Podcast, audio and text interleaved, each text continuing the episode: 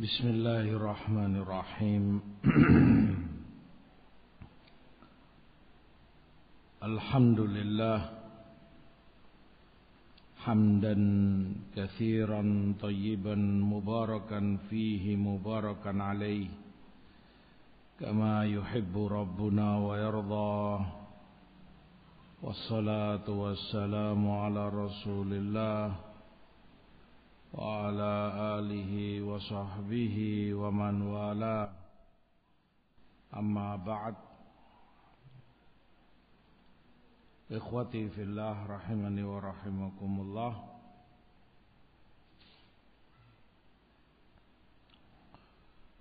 menjadi salah satu ciri yang sangat nyata membedakan dari yang lainnya pada mukminin membedakan mereka dari selain mereka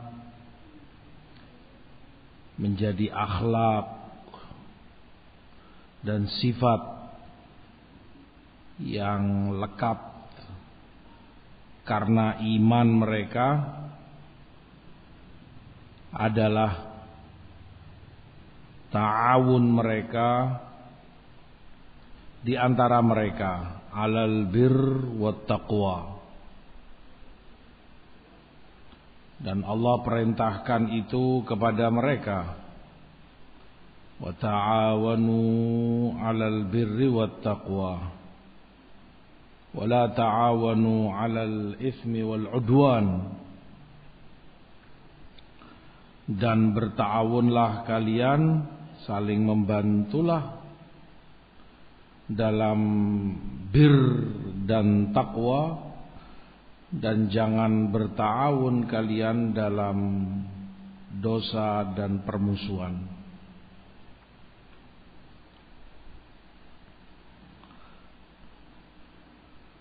Allah perintahkan dasar ta'awun itu alal bir wa taqwa. Al bir Jika digandeng dengan takwa dia lebih ke arah kebaikan yang luas banyak. Takwa lebih ke arah meninggalkan kemungkaran dan syar yang jelek. Takwa di dalam Sahih Muslim Rasulullah SAW sebutkan tafsirnya albir husnul khuluq. Albir itu akhlak mulia, akhlak baik.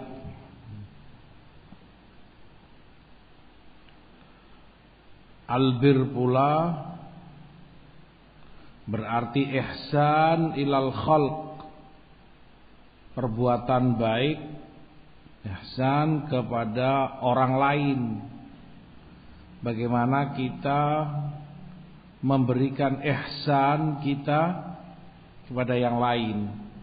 Kebaikan kita, orang merasakan dan mendapatkan ihsan.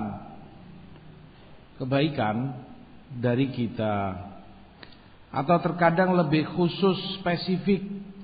Albir itu kepada orang tua. Bakti anak kebaikan anak kepada kedua orang tuanya. Sehingga ma'ruf disebut birrul walidain. Bakti kepada kedua orang tua. Ihsan.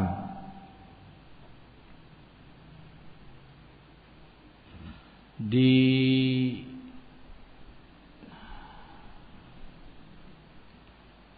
dalam sunnah maupun asar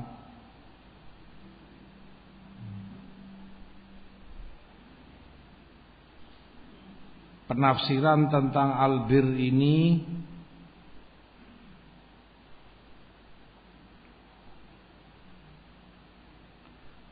kait eratannya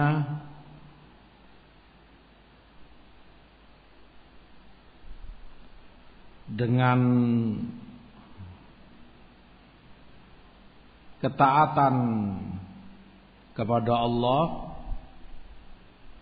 sehingga ditafsirkan pula albir itu fi'lul wajibat pelaksanaan yang wajib-wajib. Takwa ijtinabul muharramat meninggalkan yang haram-haram Ada juga yang menafsirkan albir menjalankan perintah at-taqwa meninggalkan larangan. Atau mereka tafsirkan terkadang albir maknanya Islam. At-taqwa maknanya sunnah. Ini atau itu satu sama lain tafsir tidak saling bertentangan. Tetapi masing-masing masuk semuanya dalam pengertian albir. Karena memang dari lafadznya sudah menunjukkan luas dan besar, banyak. Albir. Dan salaf biasa menafsirkan sesuatu itu dengan salah satu cabang salah satu makna yang terkandung di dalamnya. Tidak berarti mereka menafikan yang lainnya. Maka albir mencakup semua tadi. Semua itu masuk dalam pengertian albir. Maka albir itu luas baik itu yang zahirah tampak maupun yang batinan. Dari yang tampak maupun tidak tampak. Firman Allah, "Walakinnal birra man amana billahi wal yaumil akhir wal malaikati wal kitab wan nabiyyin."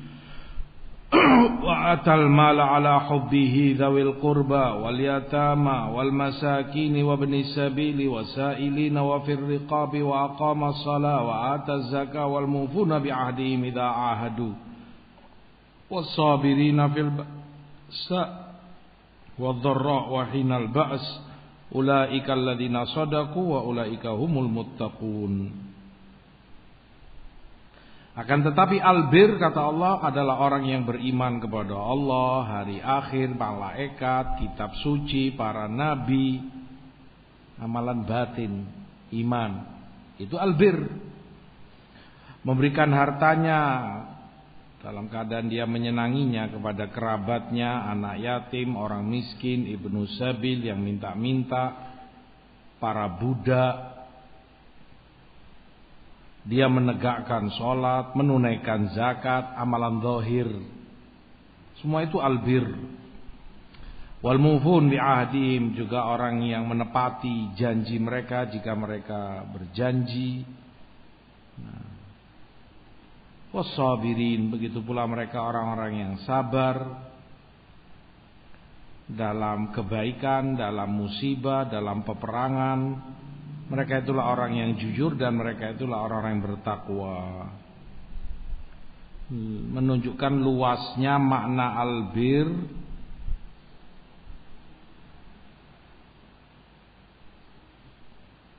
yang diperintahkan oleh Allah Subhanahu wa taala.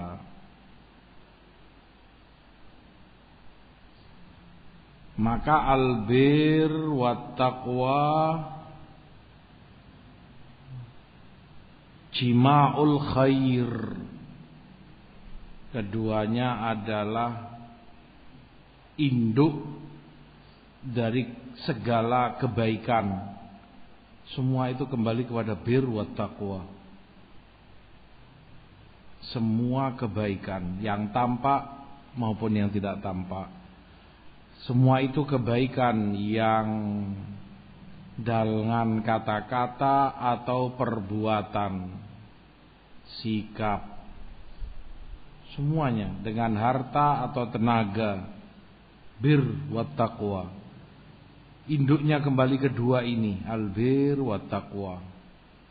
Makanya tadi rinciannya menjalankan kewajiban menjalankan perintah meninggalkan larangan semuanya al khair Semua itu bentuk daripada al-khair yang Allah perintahkan untuk kita berta'awun untuknya. Wa ta'awanu 'alal birri wat taqwa.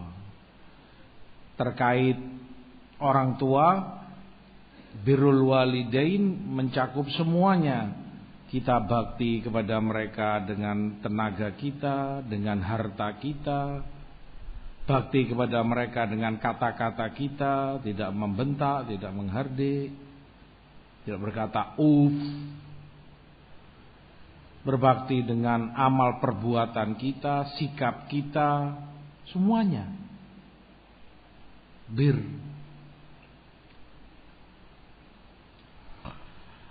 Dan semua kebaikan itulah yang Allah perintahkan kepada kita untuk kita bertawun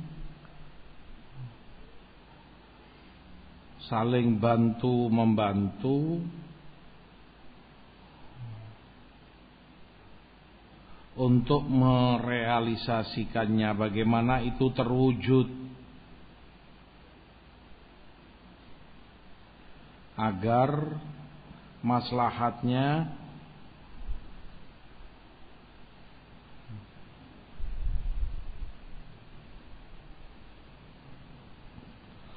kita dapati. Kata Ibnu Hazm rahimahullah setiap kemaslahatan baik kemaslahatan untuk agama ataupun itu kemaslahatan untuk dunia keuntungan duniawi maka itu bir wat taqwa. Setiap kemaslahatan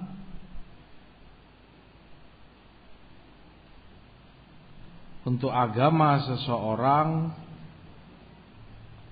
atau itu keuntungan duniawi bermanfaat baginya maka itu masuk dalam perintah ta'awun terhadapnya. Oleh karena itu kata Imam Ibnul Qattani rahimahullah bahwa manusia pada dasarnya sangat membutuhkan ta'awun di antara mereka untuk kemaslahatan hidup mereka. Tidak bisa terlepas darinya.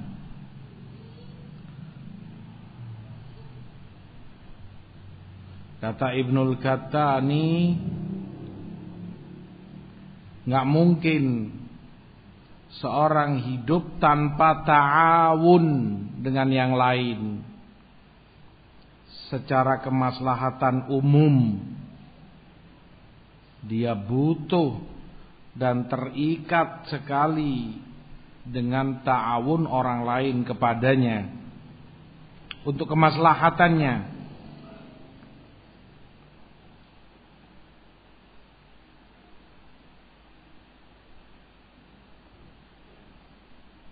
masing-masing pada bidangnya.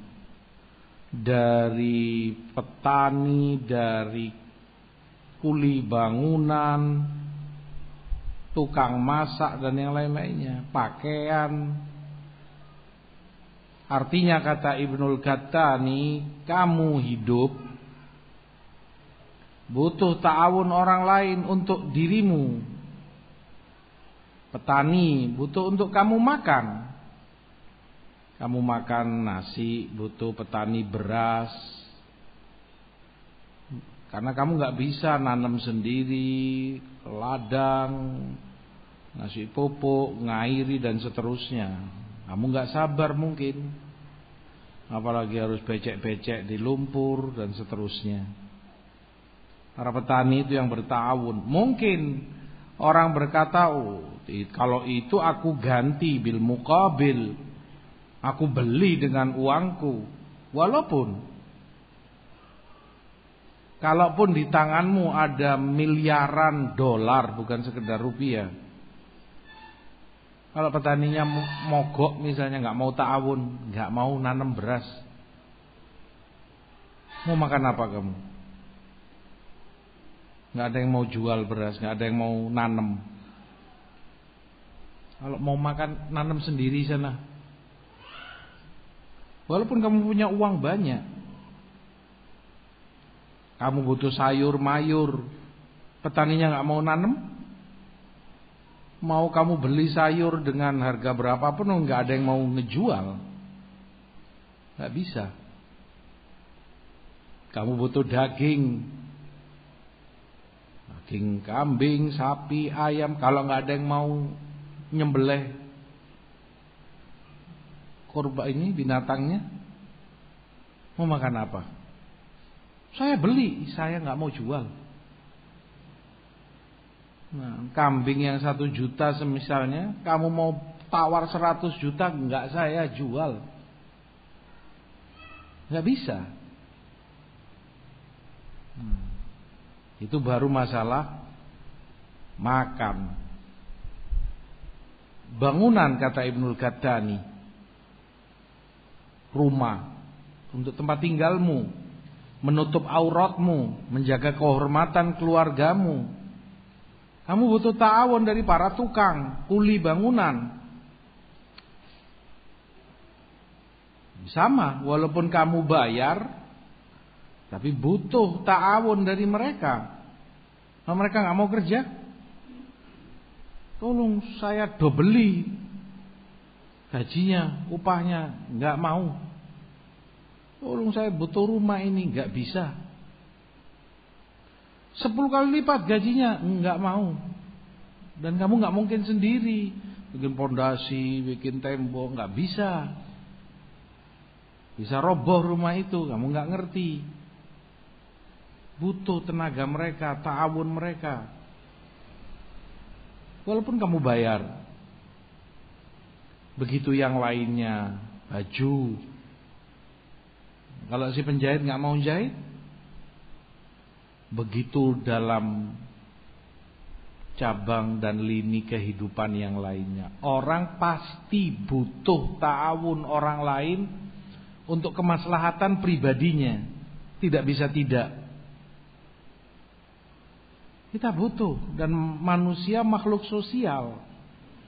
Butuh bantuan, butuh pertolongan, dari orang lain untuk kelangsungan hidupnya. Walaupun itu terkadang dengan mukabil dengan ganti jasa, bayar. Artinya dari semua ini kata Ibnul Qattani merupakan aib. Besar aibnya. Seseorang yang menyadari dan tahu kalau dirinya sangat-sangat butuh terhadap ta'awun orang untuk dirinya, kemaslahatan pribadinya, sementara dia nggak mau peduli, tidak mau bertawun untuk kemaslahatan orang lain. Kamu sendiri butuh ta'awun orang untuk dirimu. Bagaimana kamu kemudian tidak mau memberikan ta'awun kepada orang lain untuk kemaslahatan orang lain? Aib besar. Mana kebaikanmu membalas kebaikan orang? Wahal jazaul ihsan illal ihsan. Balasan kebaikan tidak ada lain adalah kebaikan pula. Kamu dibaiki semestinya kamu pun berbuat baik pada orang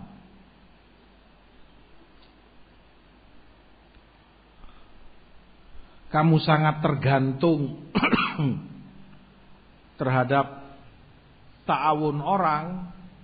Untukmu bagaimana kamu tidak mau tahu ketergantungan orang kepada ta'awunmu? Kamu sendiri tergantung dengan ta'awun orang. Seperti tadi tidak bisa tidak. Kita manusia makhluk sosial. Nggak bisa semuanya kita yang lakukan semuanya kita yang ngerjakan nggak mungkin. Mustahil. Wah kata semuanya. Kita sakit anak sakit kita butuh ta'awun dokter. Beli obat butuh ta'awun dari apotek seterusnya demikian dalam kehidupan kita. Nggak bisa lepas. Giliran orang menunggu butuh sangat ta'awun kita. Kitanya cuek kitanya tidak ambil pusing dan tidak mau peduli. Bukan itu akhlak mukminin. Bukan demikian sifat mukminin. Sifat mereka ta'awun di antara mereka alal bir wat taqwa.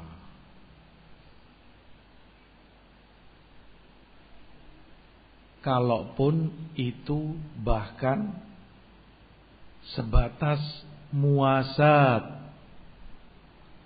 Muasat itu empati. Muasat itu walaupun sebatas eh, saudaramu sadar kalau kamu peduli padanya merasakan apa yang dia rasakan.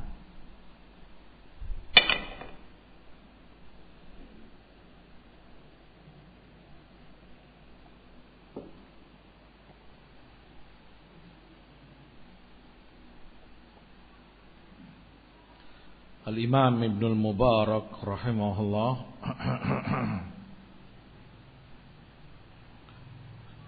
Ketika beliau berjalan dengan muridnya di jalan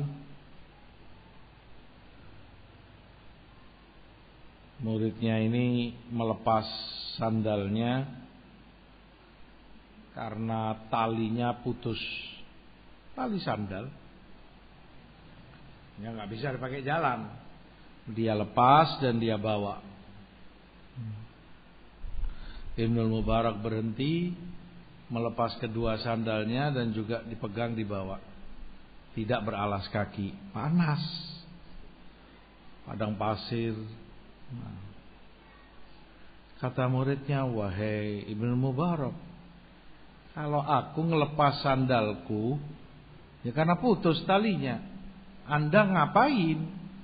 Juga melepas sandal. Kata Ibnu Mubarak, ana uasika, aku bermuasat kepadamu, berimpati. Kamu tidak beralas kaki, aku pun ikut tidak beralas kaki supaya kita sependeritaan lah bahasanya.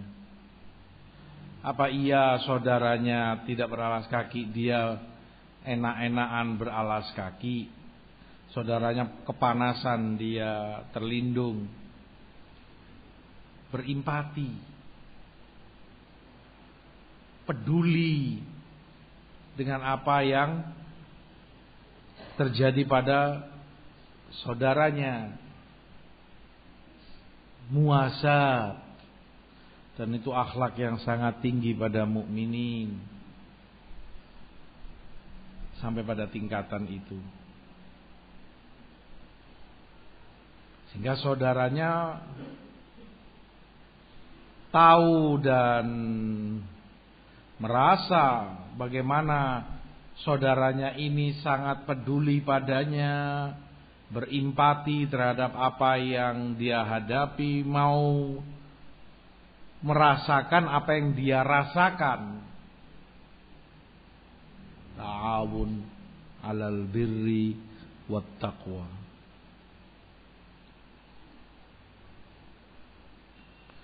Dan hadis ma'ruf kita ketahui al-muslim akhul muslim la yadhlimuh wa la yusallimuh. Muslim itu saudara bagi muslim yang lain tidaklah mendoliminya, tidak pula menyerahkannya kepada musuh. Sana ada muslim di situ sembunyi daerahnya situ sini. Tidak akan muslim berbuat itu kepada saudaranya. Di dalam sunnah pula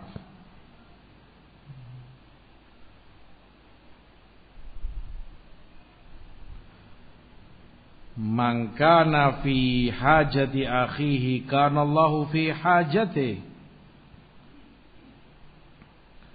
Barang siapa yang membantu hajat saudaranya maka Allah pun akan membantu hajat dirinya.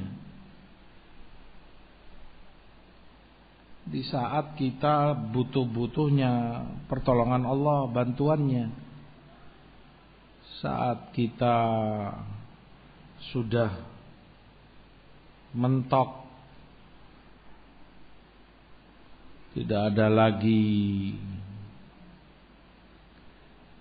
daya dan upaya segala usaha dan kemampuan kita sudah mentok.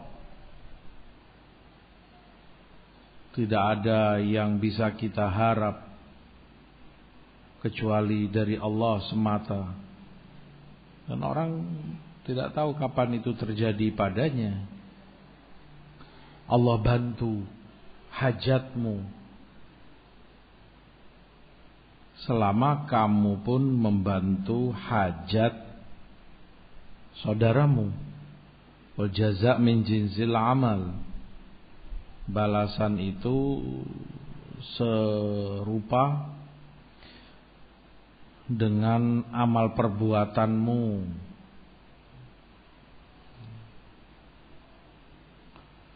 Wallahu fi aunil abdi maka nal abdu fi auni akhi dan Allah menolong hambanya selama si hamba menolong saudaranya fi'aun kamu membantu saudaramu peduli. Maka Allah pun akan membantu kamu. Wallahu fi'aunil 'abd. Dalam segala hajat dan kepentingan-kepentinganmu. Allah bantu dengan syarat kamu pun mau membantu, mau peduli terhadap kebutuhan saudaramu.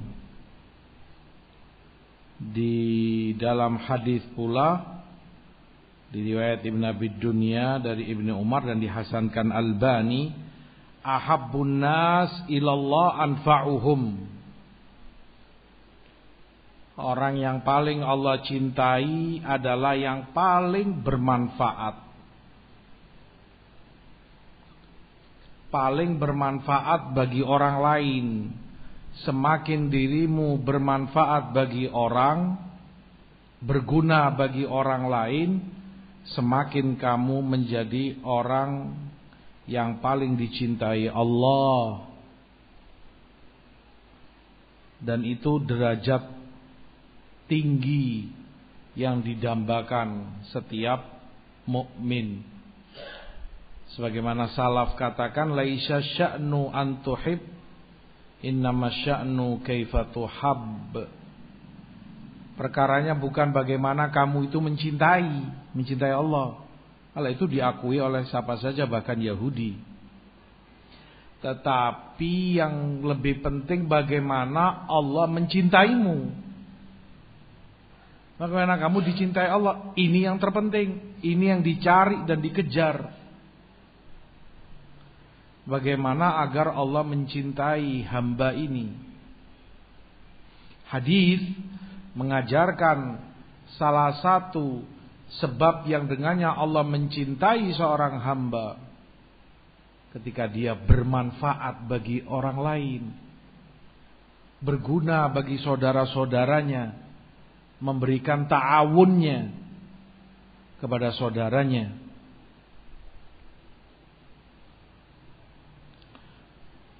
Wa ahabul a'mal ilallah surur tudkhiluhu ala muslim dan amalan yang paling Allah cintai.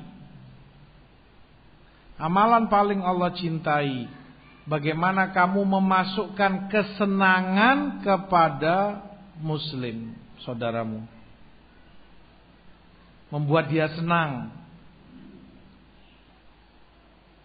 Menyenangkan hatinya, dia punya keperluan ini, dia ada kebutuhan ini, dia butuh ta'awun ini. Kamu bantu, kamu selesaikan. Sehingga dia senang, Alhamdulillah sudah. Selama ini, ini menjadi beban kami. Nggak mampu beli ini, nggak bisa melunasi itu. Nggak ada di sini yang mengisi kekosongan ini. Di situ dia stres. Karena beban ini berkepanjangan. Lubang yang belum tertutupi. Dari hajat-hajatnya, kepentingannya. Terlebih-lebih itu kepentingan dakwah. Kepentingan taklim, kepentingan tarbiyah pendidikan, untuk anak-anak ahlu sunnah salafiyin. Nah, kamu tutupi kebutuhan-kebutuhan itu dengan ta'awunmu. Membuat senang hati seorang mukmin. Amalan yang paling Allah cintai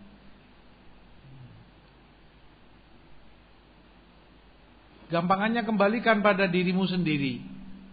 Saat kamu punya beban hutang kepada fulan, mungkin fulan ya wajar butuh uang itu terus nagih. Ya akhi sudah sebulan lebih ini sudah lewat waktunya. Ya betul anak nggak ada uang ini gimana? Ya akhi tanggung jawabmu. Bagaimana janjimu? Ya, terus tiap hari kamu ditagih. Kamu mungkin nggak bisa tidur, nggak tenang. Dan memang betul bukan kamu beling, memang nggak ada uang itu. Kamu gelisah, nggak tenang, ya Allah, nggak enak perasaan, malu ini itu campur jadi satu. Karena ada beban hutang kepadanya. Sedih kamu, gundah gulana. Saat seperti itu datang seorang, berapa sih sisa hutangmu? Sekian juta, sudah biar lunasi. Dibayarkan. Ya apa perasaanmu? Senangnya kamu atas bantuan orang ini, ta'awunnya. Perbuatan dia membuat kamu senang. Amalan yang paling dicintai Allah. Ahabbul a'mal ilallah surur tudkhiluhu ala muslim. Begitu yang lainnya. Ketika kamu membuat saudaramu bahagia, senang au takshifa anhu kurba atau itu amalan darimu kamu angkat darinya problemnya. Dia menghadapi problem punya masalah kamu bantu kamu selesaikan. Au takdi anhu daina atau kamu bayar hutangnya. Au tatruda anhu ju'a. Atau kamu usir rasa laparnya. Ini dia kelaparan kamu kasih makan Senang dia. Tertutupi hajatnya. Tercover atas bantuanmu. membuat orang itu senang. Amalan yang paling dicintai Allah.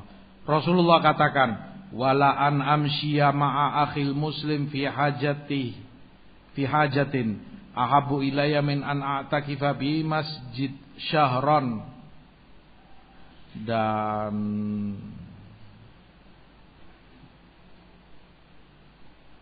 aku berjalan bersama saudaraku muslim dalam hajatnya lebih aku cintai ketimbang aku iktikaf sebulan di masjid ini.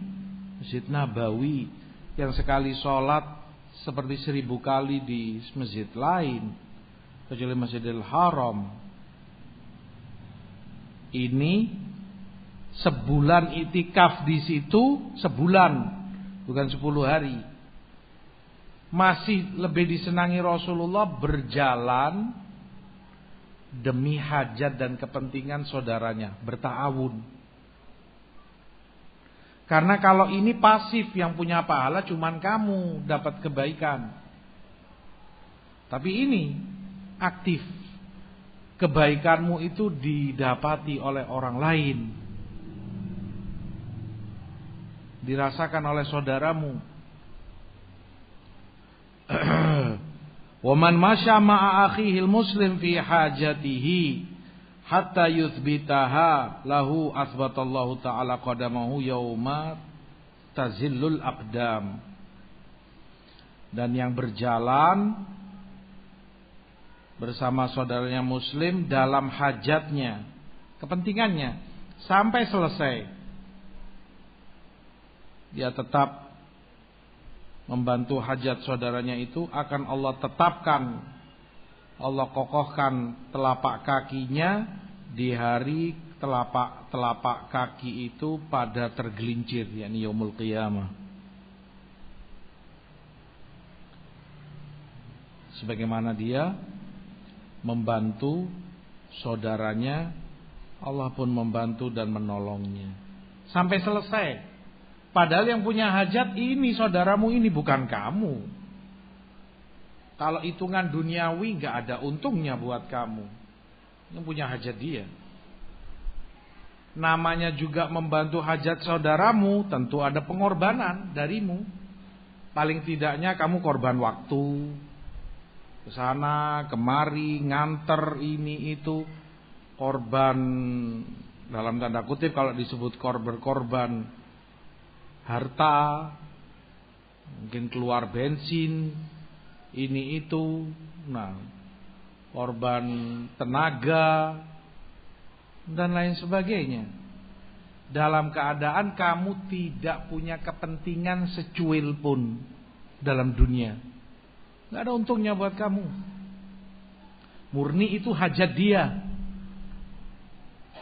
Kepentingan dia. Ayah anak antar anak bantu semampu anak. Baru ke instansi sana misalnya, keluar masuk kantor, nemui sana bulan, harus ke sana, harus beli ini dulu, harus ini itu. Terus kamu bantu dia sampai selesai tuntas. Allah kokohkan kakimu di yaumul qiyamah. Di hari kaki itu pada tergelincir Dan itu lebih afdal. Seperti yang Rasulullah sabdakan. Lebih afdal dibanding i'tikaf sebulan penuh di Masjid Nabawi. Sekali lagi, kamu nggak punya kepentingan. nggak ada keuntungannya buat kamu. Kalau itu ada keuntungannya ya semua orang mau wajar saja. Kita bagi hasil ya, ya khair 50-50. Bukan kamu sedang membantu hajat saudaramu, tapi karena ada keuntungan bagimu. Ini enggak. Murni kamu bertawun demi kepentingan hajat saudaramu. Ta'awun besar nilainya. Ya ikhwan akhlak mukminin dan sifat yang sangat tinggi.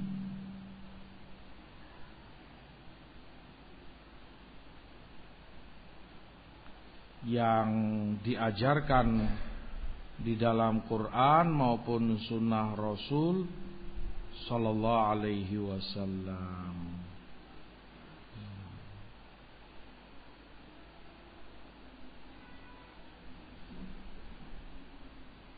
Ikhwati fillah rahimani wa rahimakumullah. Layaknya ibadah yang lainnya tahun butuh keikhlasan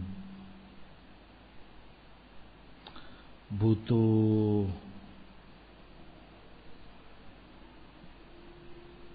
lapang dada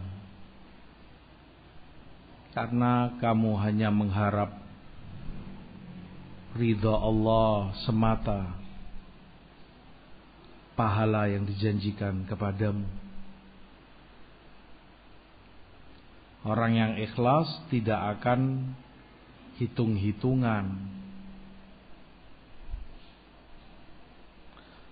Rasulullah SAW sebutkan Inka fis saqah fahuwa fis saqah wa inkana fil hirasah fahuwa fil hirasah. Kalau itu dalam peperangan kalau dia dalam sakoh itu ya kayak logistik lah ngurusi minumnya para mujahidin atau fil hirasa kebagian jaga malam ketika pasukan istirahat di tenda camp basic harus ada yang jaga kalau enggak tiba-tiba musuh datang kamu ditunjuk bagian ronda malam, jaga camp. Maka dia lakukan itu. Fahuwa fisaqa, fahuwa fil hirasa ada dua maknanya penafsirannya. Yang pertama, Rasul ingin menunjukkan itu amalan mulia baginya walaupun sekedar urusan ngasih minum. Walaupun itu sebatas jaga malam, ronda. Itu amalan besar, amalan mulia, terhormat. Atau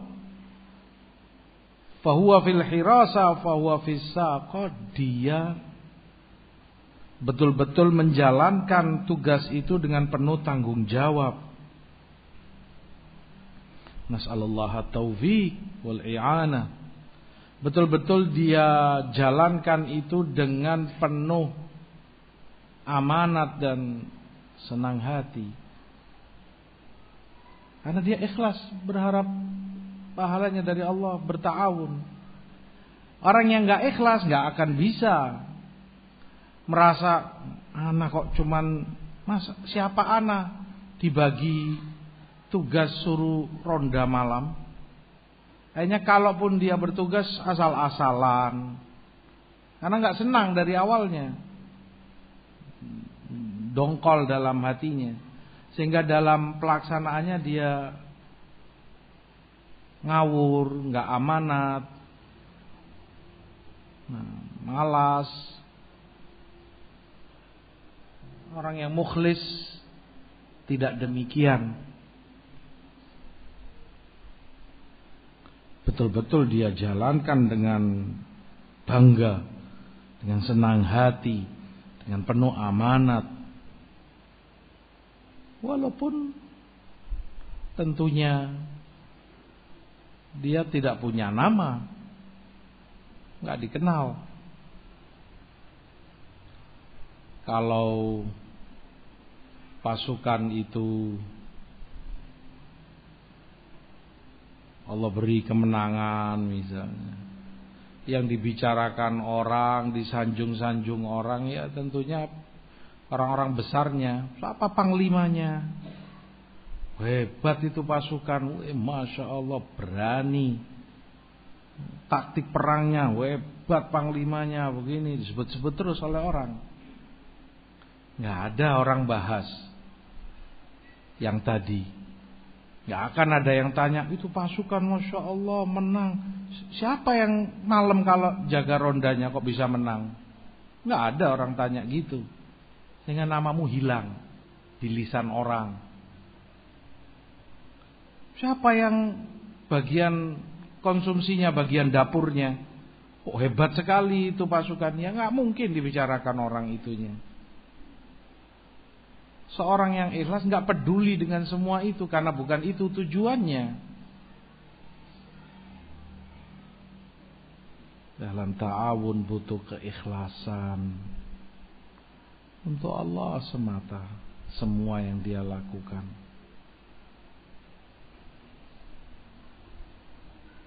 Nah. Maka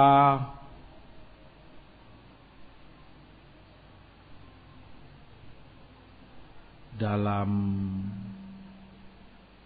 ta'awun alal bir wa taqwa mukminin butuh untuk terus diingatkan dan digugah semangatnya untuk mau peduli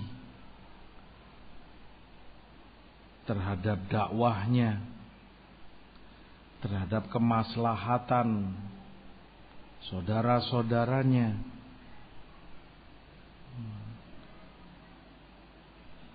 Kalau masing-masing menghindar, masing-masing merasa sibuk dan punya kepentingan sendiri, nggak akan ada selesainya. Oh nggak bisa, mana ada urusan sendiri. Yang satu, Wana aku juga nggak bisa, aku juga punya kesibukan sendiri. Jangan anak. Nah, yang lain saja, anak-anak ada kerjaan, oh, juga jangan anak, anak punya kerjaan juga. Nah, begitu saling tuding, saling melepas diri. Demikian kata awun dibangun nggak bisa. Masing-masing punya kesibukan tentunya. Makanya Rasulullah sebutkan keutamaannya tadi karena di situ ada nilai perjuangan. Gak ada pahala tanpa itu dibarengi dengan usaha dan perjuangan. Padahal seperti tadi, nggak ada keuntungannya bagimu. Itu kepentingan orang lain, hajat orang. Kalau kamu menginginkan akhirat, fadilahnya, pahalanya di sisi Allah. Hmm. Kamu yang harus capek-capek sana kemari begini yang begitu. Bagi seorang mukmin akan dia buang dari mindset pikirannya suara-suara sumbang. Aku yang capek-capek Aku yang harus berkorban ini itu. Enak fulan itu. Duduk-duduk di rumahnya. Iya enak fulan itu. Gak dapat bagian ini. Ya enak fulan itu. Kalau masing-masing begitu gak akan berjalan kemaslahatan dakwah. Masing-masing berhitung dan mengukur untuk kepentingan pribadinya. Bukan demikian ta'awun alal birri wa taqwa ditegakkan. Bukan itu sifat mukminin yang Allah ajarkan. Wallah fi aunil abd maka al abd fi auni akhi. Wallahu fi hajatil abd maka al abd fi hajati akhi. Allah akan ada dalam hajatmu. Allah bantu. Allah mudahkan. Allah tolong. Selama kamu gemar, sering suka membantu dan menolong hajat saudaramu. Innala nudhi'u ajra man ahsana amala. Dan kami Allah atau Allah tidak akan menyia-nyiakan orang yang berbuat baik.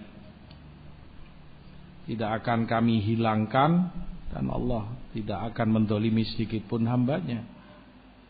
Yang berbuat baik akan Allah balas dengan yang jauh lebih baik dari sisinya. Kita skors untuk salat wallahu alam. Wa sallallahu ala nabiyina Muhammad walhamdulillahi بسم الله الرحمن الرحيم. الحمد لله والصلاة والسلام على رسول الله وعلى آله وصحبه ومن والاه. أما بعد أحبتي في الله rahimani wa rahimakumullah Maklum adanya bagi kita masing-masing bahwa dakwah ilallah martabat yang sangat tinggi dan itu martabat tertinggi setelah kenabian. Kata Ibnul Mubarak rahimahullah la a'lamu darajatan ba'dan nubuwah afdalu min bathil ilm tidak aku ketahui ada martabat yang tertinggi setelah kenabian dari menyebarkan ilmu dakwah. Artinya derajat tertinggi yang didapati manusia kenabian. Kemuliaan yang Allah berikan kepada hambanya. Setelah itu derajat tertinggi adalah dakwah. Menyebarkan dan mengajarkan ilmu dan ma'ruf pula adanya banyaknya keutamaan besar yang Allah dan Rasul sallam sebutkan tentang dakwah ini. Waman ahsanu qawlan mimman da'a ila Allah wa amila salihan wa qala innani minal muslimin. Siapakah orangnya yang lebih baik dari yang berdakwah kepada Allah? Dia beramal saleh dan mengatakan dirinya termasuk orang yang berserah diri kepada Allah. Artinya tidak ada yang lebih baik darinya. Pertanyaan yang maknanya adalah takrir. Penetapan dan penjelasan dia yang orang paling afdol da'a ilallah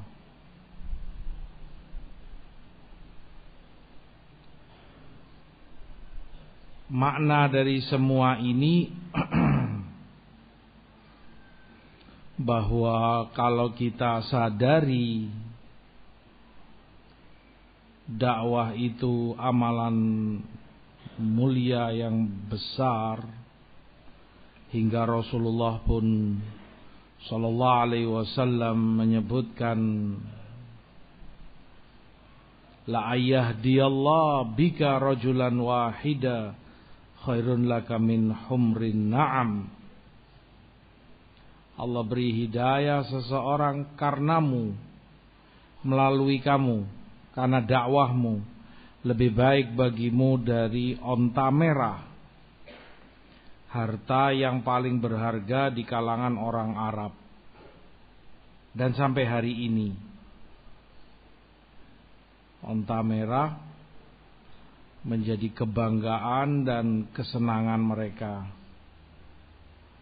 Arti daripada hadis berarti hidayah yang sampai kepada orang karena kamu itu lebih baik daripada dunia dan seisinya yang harta tertingginya paling dicintai onta merah.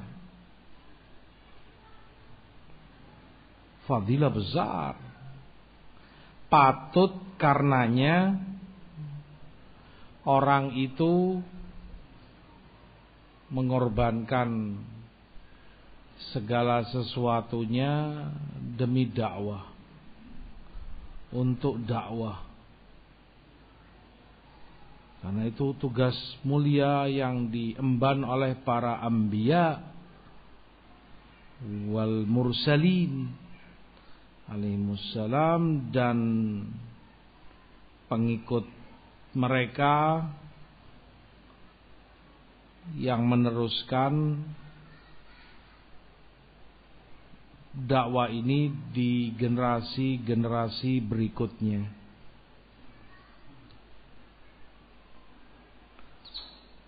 Pahala yang mengalir terus kepada orangnya bahkan setelah kematiannya. Ilm yuntafa'u bih. Ilmu yang bermanfaat yang dia ajarkan dakwah berarti barokah bagi orangnya, bagi orang lain. Allah sebutkan tentang nabinya Isa alaihi salam wa ja'alani mubarakan ainama kuntu wa awsani bis salati waz zakah. Madum hayya. Dan dijadikan aku ini barokah diberkahi mubarakan penafsiran ayat ini para ulama tafsir sebutkan mubarakan yakni mualliman linnas al khair mengajarkan kebaikan itu kepada orang, pada umat. Karenanya orang itu diberkahi, barokah usianya, barokah waktunya, mubarokan karena dakwah.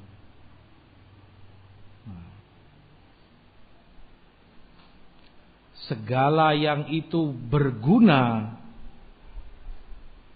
bermanfaat Rasul ajarkan kepada kita sallallahu alaihi wasallam untuk kita itu semangat dan antusias karenanya ihris ala ma yanfa'uk wasta'in billah wala ta'jazan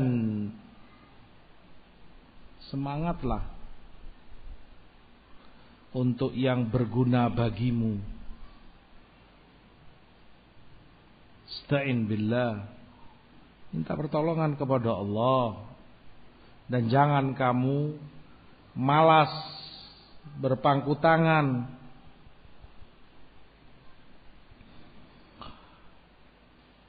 Ketika itu berguna dan bermanfaat, ihris alaih.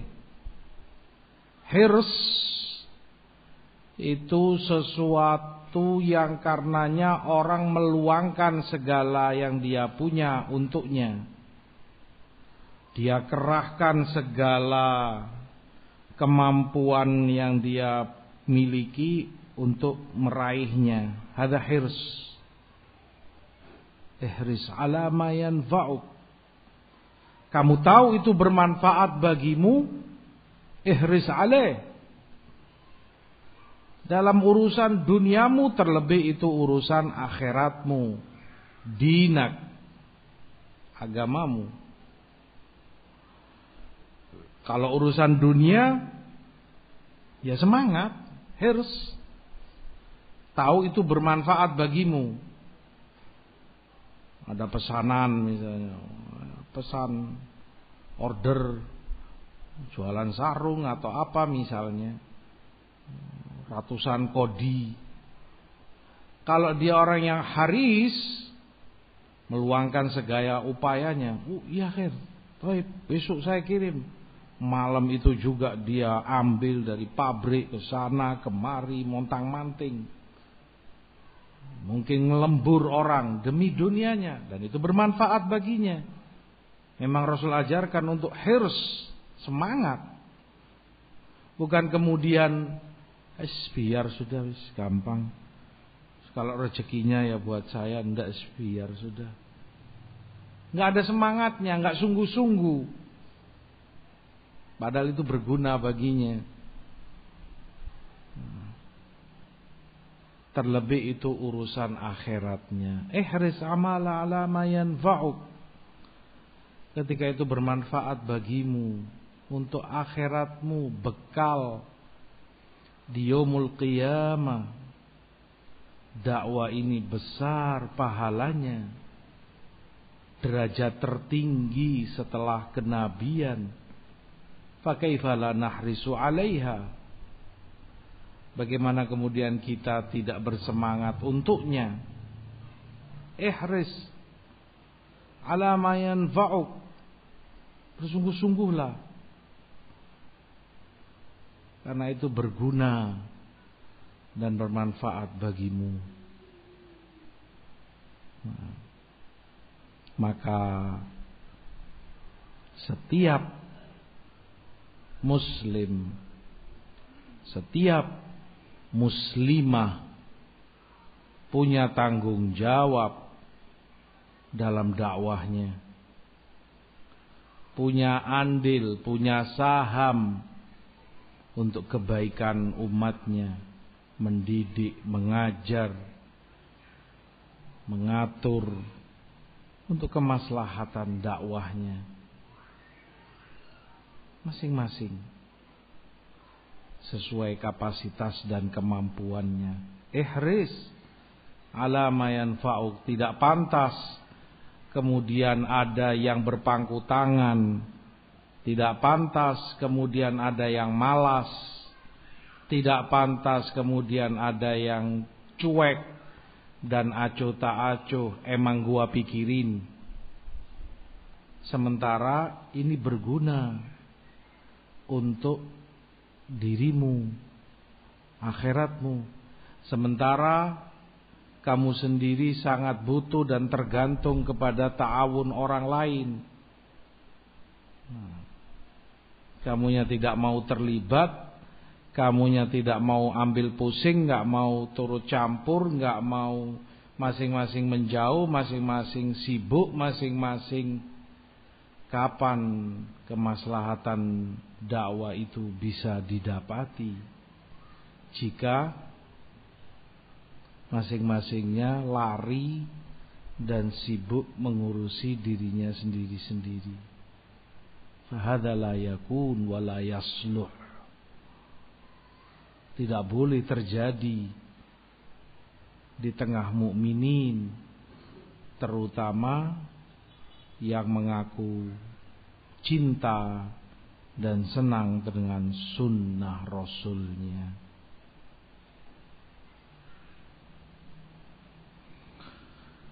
Ikhwati fillah rahimani wa rahimakumullah Termasuk Hidayah Quran Quran ini memberi hidayah Kepada yang lebih lurus, yang lebih baik. Inna hadzal Qur'an yahdi lillati hiya aqwam wa yubashshirul mu'minin. Quran ini memberi hidayah yahdi kepada yang lebih akwam, lebih lurus, lebih benar, lebih baik, ke arah itu Quran membimbing, memberi hidayah. Termasuk dalam makna itu dijadikannya ikatan uhuwah persaudaraan mukmin dengan mukmin yang lain mukminah dengan mukminah yang lainnya itu ikatan yang lebih kuat dari ikatan nasab. Kerabat. Ikatan darah. Terbukti kalau dua saudara kandung seibu sebapak yang satu mati sementara agamanya muslim. Dan yang hidup saudara kandungnya adalah Nasrani misalnya. Maka sedikit pun si Nasrani tidak boleh mendapat warisnya. Karena yang beda agama tidak boleh mendapat waris dan itu syariat Islam mengatur lalu ke mana hartanya si muslim ini yang mati Sementara dia kaya. Tidak punya sanak kadang anak atau istri mungkin. Hartanya kembali ke baitul mal. Yang berujung akan dibagikan dan berguna bagi saudara-saudaranya muslimin yang lainnya. Maka ikatan persaudaraan iman lebih kuat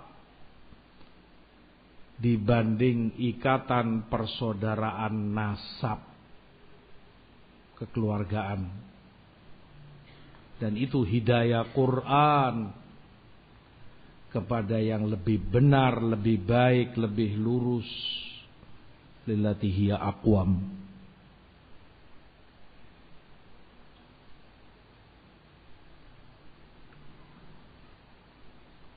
dalam hujurat Allah sebutkan innamal mu'minun ikhwah mukminin itu bersaudara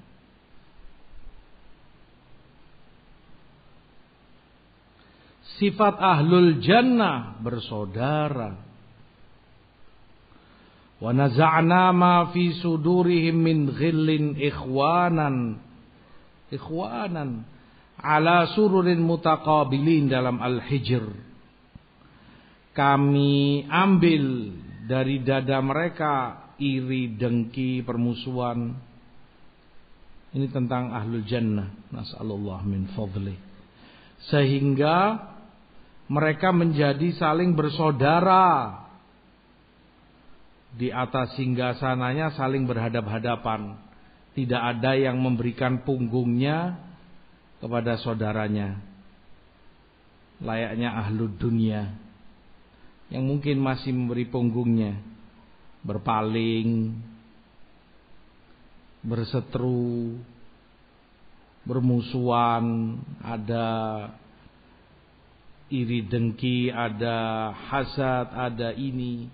Itu sudah nggak ada dicabut oleh Allah dari penghuni surga ukhuwah karena iman sifat ahlul jannah.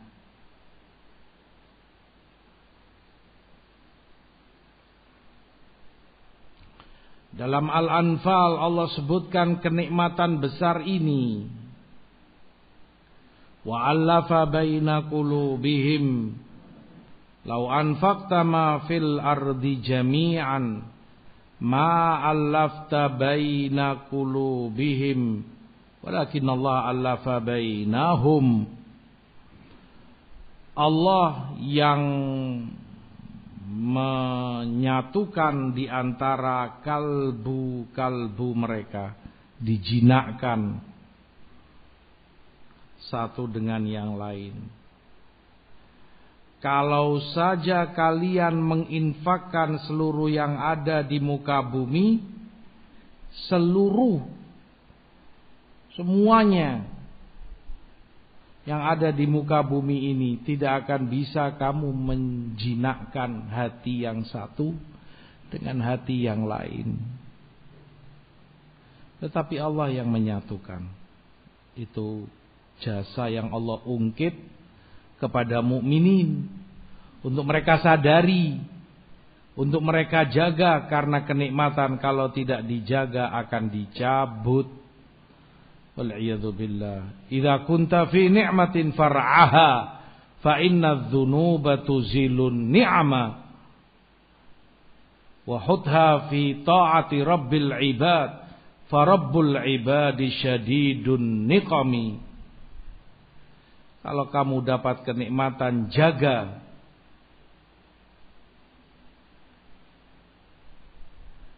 dengan ketaatan jadikan itu menambah ibadahmu kepada Allah karena kemaksiatan mengakibatkan hilang dan tercabutnya kenikmatan.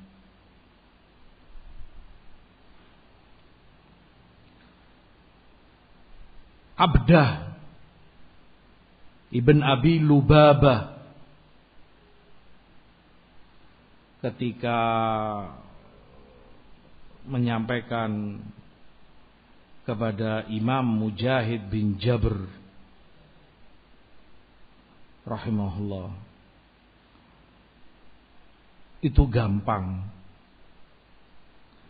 Itu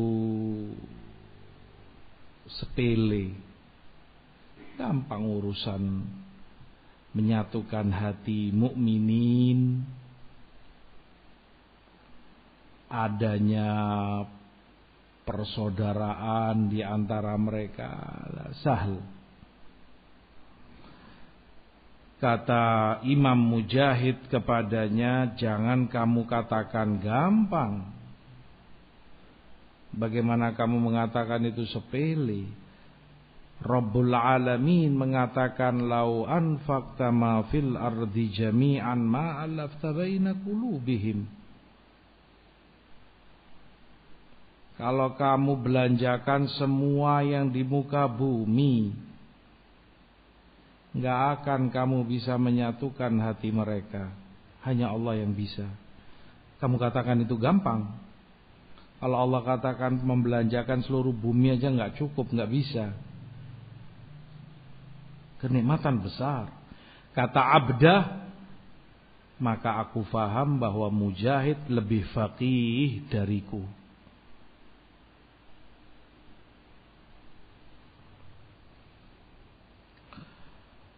Ikhwani fillah rahimani wa rahimakumullah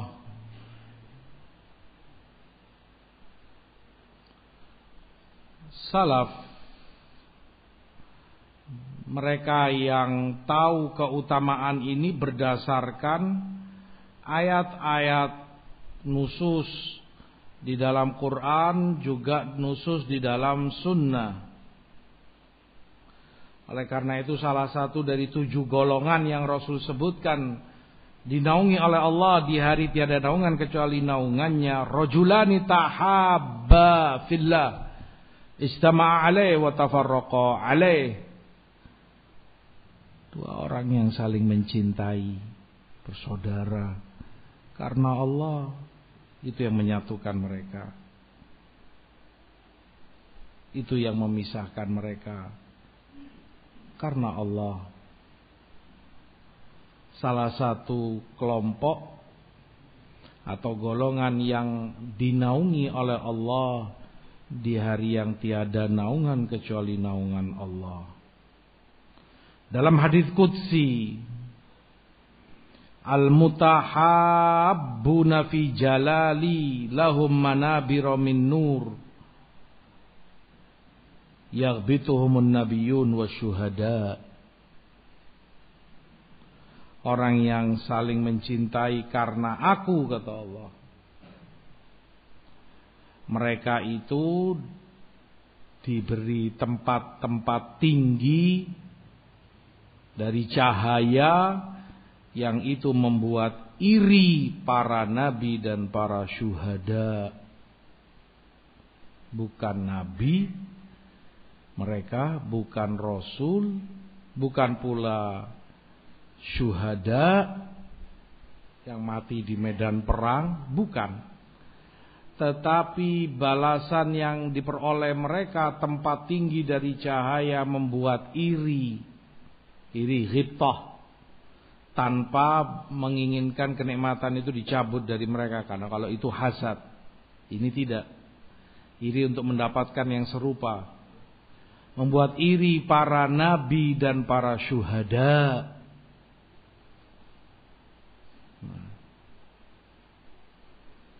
Yang Allah berikan balasan itu kepada mereka. Hadis di Musnad Ahmad juga Tirmidzi di dalam jami'nya.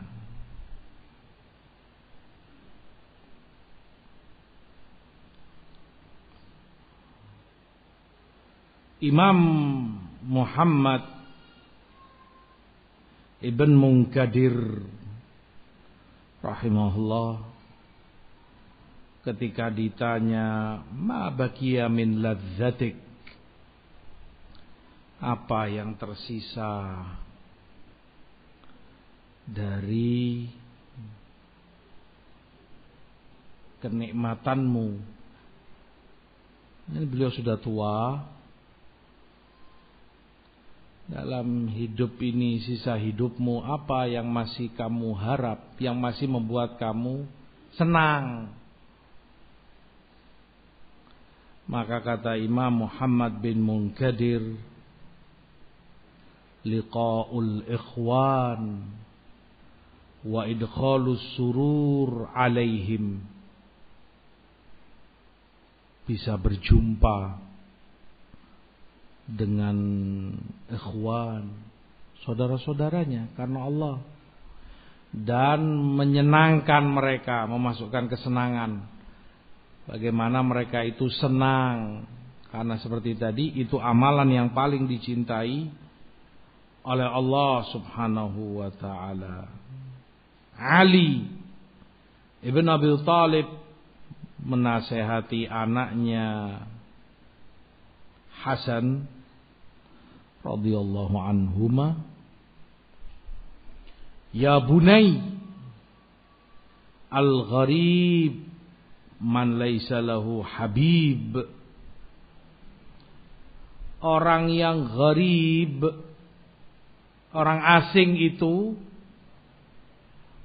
Orang yang tidak punya Orang yang dia cintai tidak ada orang yang mencintai dia. Layaknya orang asing kalau itu makna asalnya kan orang yang nggak ada yang dia kenal, nggak ada yang kenal dia. Kamu hidup di tengah negara sana mana luar negeri. Kamu noleh kanan kiri nggak ada yang kenal kamu. Dan kamu pun nggak kenal mereka. Orang asing disebut. Kamu merasa sempit dunia ini nggak ada yang kamu kenal, wala ada yang kenal kamu. Nggak nyaman, kamu gelisah hidup di situ, liar. Tapi hakikat orang yang asing kata Ali kepada anaknya Hasan orang yang tidak memiliki orang yang dia cintai. Tidak ada orang saudara-saudaranya yang mencintai dia. Demikian dalam adabud dunia waddin. Gharib teranggap sebagai orang yang asing. Artinya para ulama salaf menyadari betul arti besar daripada kenikmatan ini. Kata Umar ibnul Khattab radhiyallahu an, "Ma u'tiya 'abdun ba'dal Islam khairan min akhin salih." Setelah keislamannya, karena itu kenikmatan terbesar sudah dijadikan kamu itu beriman kepada Allah muslim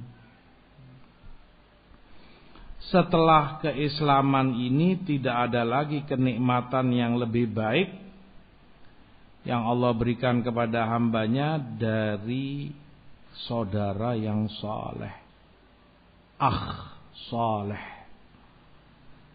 Artinya ketika Allah berikan kepadamu ikhwan salihin sadari itu pemberian terbaik setelah keislamanmu. Dijadikan ada orang yang mencintai kamu karena Allah. Itu karunia dari Allah. Karena hanya Allah yang bisa menyatukan kolbu itu. Tidak akan ada yang bisa dengan membelanjakan seluruh yang ada di muka bumi pun gak akan bisa itu mereka capek gak akan bisa mereka dapati. Hati tidak ada yang kuasa melainkan Allah.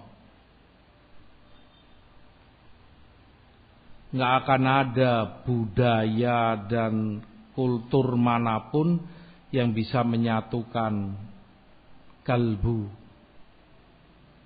Betul-betul menyayangi, mencintai karena Allah.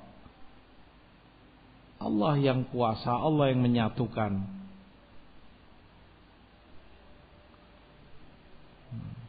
Selain itu semuanya semu rentan dengan pertikaian, rentan dengan permusuhan. Nah.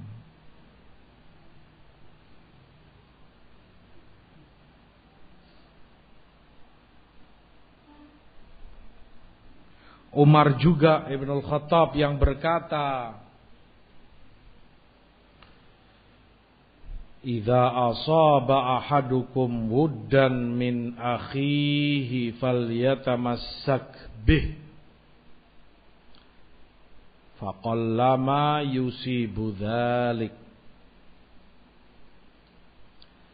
Kalau kamu mendapati cinta dari saudaramu, maka jaga. Kalau kamu sadar saudaramu mencintai kamu, jaga. Lestarikan itu.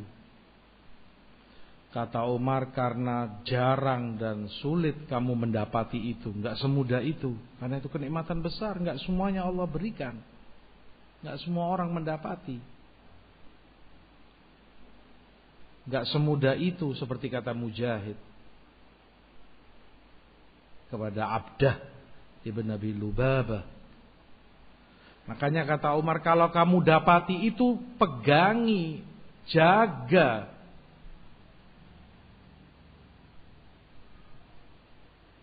Gak semudah itu, gak semua orang mendapatinya. Kamu termasuk yang mendapatinya, betul-betul kamu harus jaga. Dieman-eman, disayang-sayang. Jangan sampai itu retak dan lepas dari genggamanmu. Selain Umar ibn al-Khattab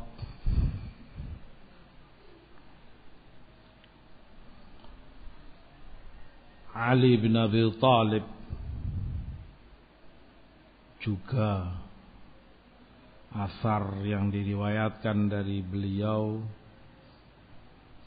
menjelaskan bagaimana mereka fahami arti daripada ukhuwah persaudaraan karena Allah. Kata Ali alaikum bil ikhwan jaga saudara-saudaramu itu. Fa innahum iddatun fid dunya wal akhirah karena itu bekal terbaikmu. Termasuk bekal terbaikmu di dunia hanya membantumu dan di akhirat bekal Kata Ali, tidakkah engkau perhatikan firman Allah dalam syuara? Ayat 100 101 penyesalan ahli nar. Ajaran Allah wa iyyakum minha penyesalan penghuni-penghuni neraka. Yang mereka katakan fama lana min syafi'in.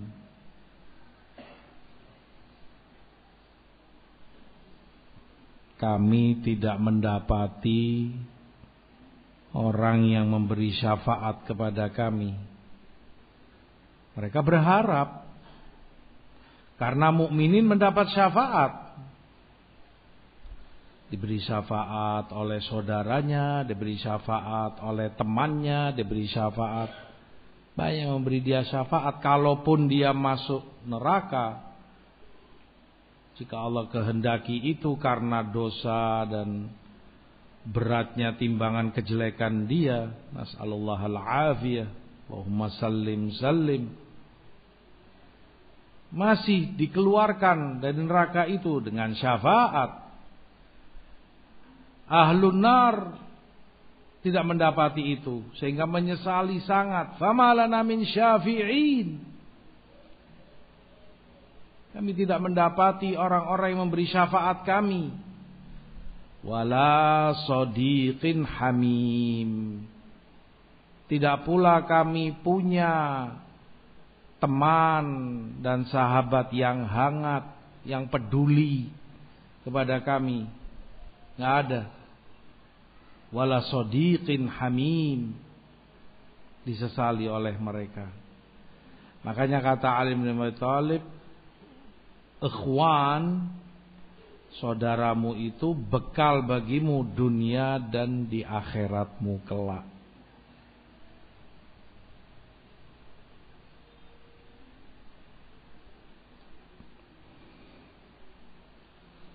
Abdullah. Ibnu Umar radhiyallahu taala anhuma. Beliau juga pernah berkata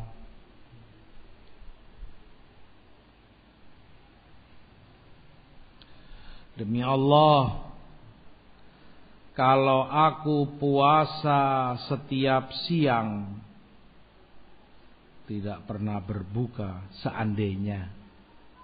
Setiap malam aku sholat suntuk semalam, suntuk tidak pernah tidur seandainya dilakukan. Dan aku habiskan seluruh hartaku. Visabilillah habis kemudian dapat rizki lagi hartanya semua diinfakkan visabilillah Kemudian di hari aku mati, kata Abdullah bin Umar, di hari aku wafat, dalam kolbuku tidak ada kecintaan kepada orang yang taat kepada Allah. Tidak ada kebencian kepada orang yang maksiat kepada Allah. Wallahi semua itu nggak ada gunanya buatku. Tadi. Sholat malamnya, puasanya, infaknya semua itu nggak ada gunanya. Kalau di dalam diriku tidak ada kecintaan kepada orang-orang yang taat kepada Allah atau kebencian kepada yang bermaksiat kepada Allah Subhanahu wa taala. Oleh karenanya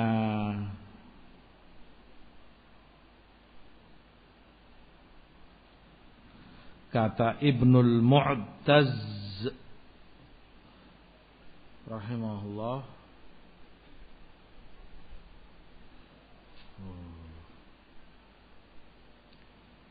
Nafasnya habis ya apa ini?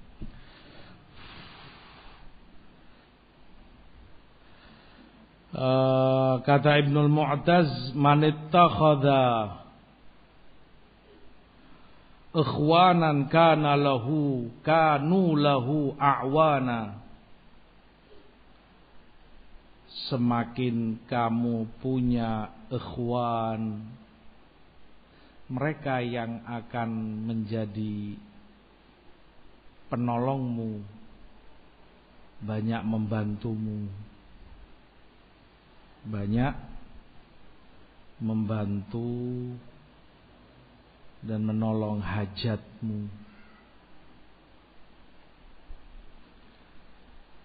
Karenanya Imam Khalid Ibn Sofwan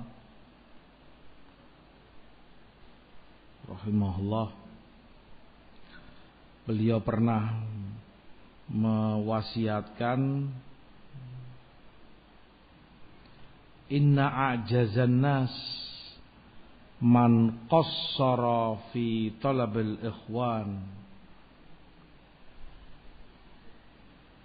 Orang paling lemah.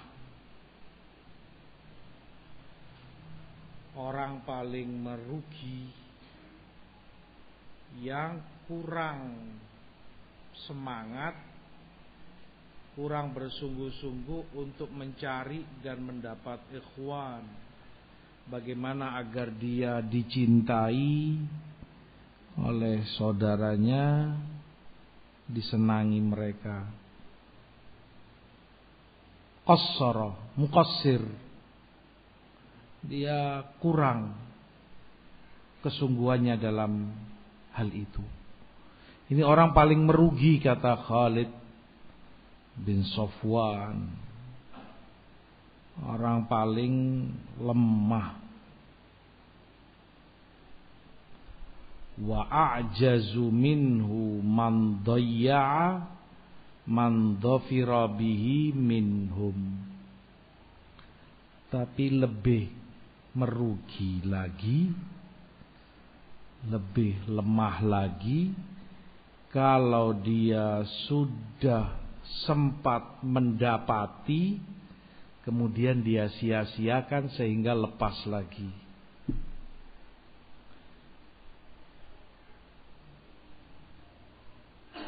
kurang untuk mendapati itu kerugian. Tetapi lebih merugi lagi orang yang sudah mendapati sudah terjalin ukhuwah antara dia dengan ikhwannya yang lain. Ada persaudaraan karena Allah, ada cinta karena Allah, kasih sayang karena Allah yang semestinya tempat mereka tinggi dari cahaya di yomul qiyamah membuat iri para nabi dan syuhada ternyata itu dia lepas dia sia-siakan. Tidak dia jaga. Mudah retak dia abaikan. Ada yang meretakkan hubungannya dengan yang lain hanya karena perkara-perkara sepele, tafih. Hanya karena urusan-urusan duniawi. Betapa meruginya. Hanya karena urusan ketersinggungan, hanya karena sakit hati, hanya karena materi, hanya karena hasutan orang, hanya karena omongan fulan, hanya karena namima, hanya karena ini, hanya karena itu dia biarkan retak hubungannya. Keruh dan rusak hubungan jalinan ukhuwah karena Allah yang sudah dia rasakan, dia dapati. Lepas dan dia sia-siakan. Kata Khalid bin Sofwan itu orang yang lebih merugi lagi. Orang yang lebih lemah lagi. Nah, karena itu kenikmatan besar bagaimana dia sia-siakan dan dia biarkan hilang begitu saja.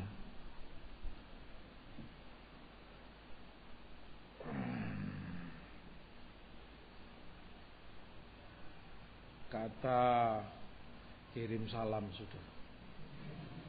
Afwan. Untuk pertanyaan insya Allah fima ba'd. Nafasnya sudah ngos-ngosan. Ya. Insya Allah ma'dzur ya. Nah. Uh, kata Hasan rahimahullah ikhwanuna ahabbu ilaina min ahlina ikhwan kami lebih kami cintai, lebih kami senangi dari keluarga kami sendiri. Ikhwanuna yudhakiruna bil akhirah wa ahluna yudhakiruna bid dunya. Karena kalau itu ikhwan kami mengingatkan kami akhirat keluarga kami hanya mengingatkan dunia. Dan begitulah kenyataannya. Kalau kamu bersama ikhwan kamu, yang dibicarakan urusan akhirat, akidah, manhaj, ibadah, fikih, taklim, durus, majelis ilmu, daurah, sampai mana kajiannya, bab apa, urusan akhirat.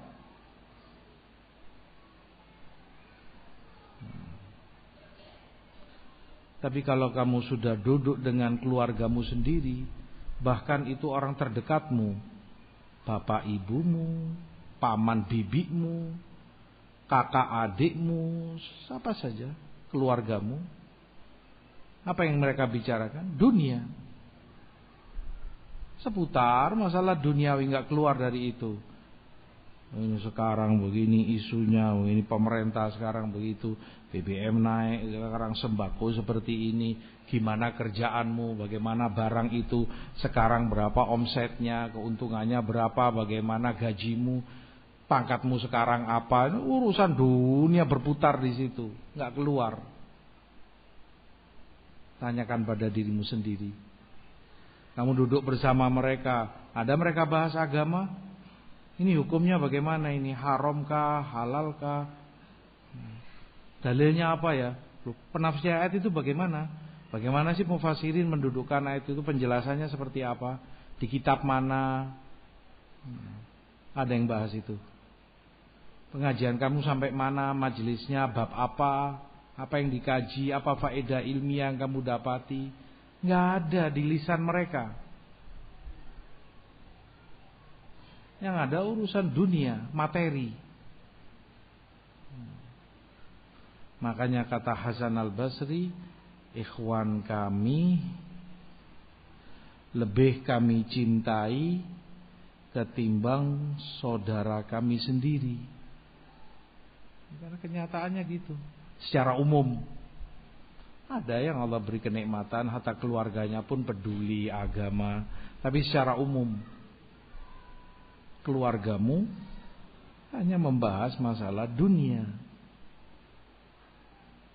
Tidak peduli dan tidak mementingkan akhiratmu. Artinya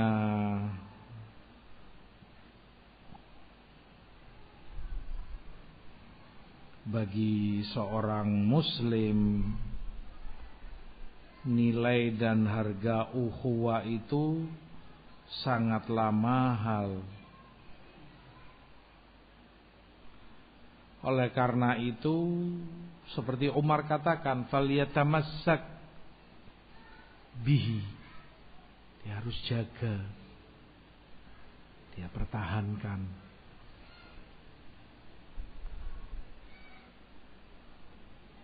Jika terjadi sesuatu mungkin saja karena banyaknya orang karena kedekatan ada gesekan itu wajar. Dengan itu kamu tahu kekurangan dia dia tahu kekurangan kamu Nah, hendaklah semua itu diselesaikan dengan penuh hikmah dan atas dasar cinta dan kasih sayang. Jaga, lestarikan. Makanya kata Fudail ibn Iyad rahimahullah, al-mu'min yastur wa yansah wal fajir yahtik wa yu'ayyir. Kalau itu mukmin sifatnya yastur menutupi aibmu. Dia tahu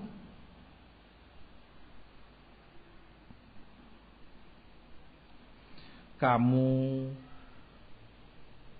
ada padamu kekurangan atau kejelekan satu dia yastur menutupi. Kedua dia yang sah bernasehat. Tidak hanya ditutupi, didiamkan. Tapi dia nasihati. Ta'al ya akhi. Anak ngeliat kamu begini. Anak dengar kamu begini Ya akhi, demikian jelek, nggak boleh. Tinggalkan, benahi. Seharusnya kamu begini, begini. Dia nasihati, tapi dia tutup. Nggak ada yang tahu. Itu sifat mukmin. Beda dengan sifat orang fajir. Kata Fudail, kalau itu orang fajir yahtik. Dia buka tabir. Tabir aibmu. Layaknya tabir kan menutupi yang di belakangnya. Kamu nggak tahu apa yang di belakang itu ketutup tabir. Aman. Orang fajir ini buka tabirnya Artinya aib-aib kamu diumbar. Fulan berkata begini. Fulan berbuat begitu. Fulan itu begini, begitu. Ah. Dia sebar luaskan. Sudah seperti itu yu'ayyir. Tidak bernasehat dia. Tapi menyebarluaskan aib dan kejelekanmu. Wala kamunya dinasehati. Masih mending misalnya dalam tanda kutip. Dia nasehati kamu, tetapi kekurangan dia dia sebarluaskan. Anak sudah nasehati dan betul dia nasehati memang. Anak sudah ingatkan fulan, tapi fulan itu begini, dia berbuat ini, dia berbuat gitu. Taruh itu seandainya jelek, tetapi masih mending. Kejelekan itu bertingkat-tingkat. Hmm. Ini enggak. Tabir dia buka. Aibmu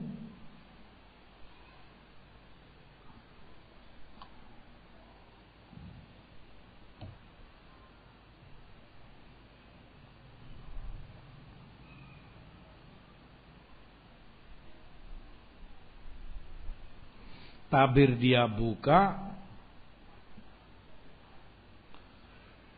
dan aibmu dia umbar ke sana kemari. Ini sifat fajir. Nggak ada nasihat.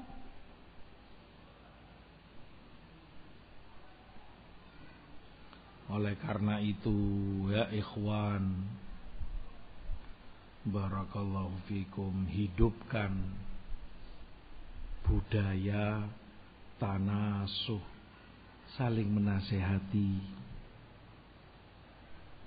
saling mengingatkan untuk menjaga ukhuwah. Seperti Umar katakan begitu kamu tahu itu tidak baik sampaikan. Dengan santun dengan akhlak dengan tutur kata yang baik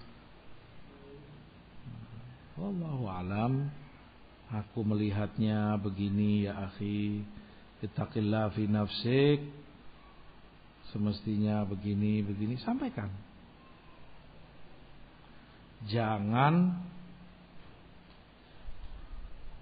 yang kamu tahu itu kamu sebarluaskan. Masing-masing akan membentuk kelompok.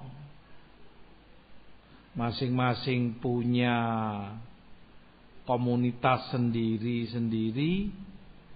Ini dengan grupnya ini dengan grupnya.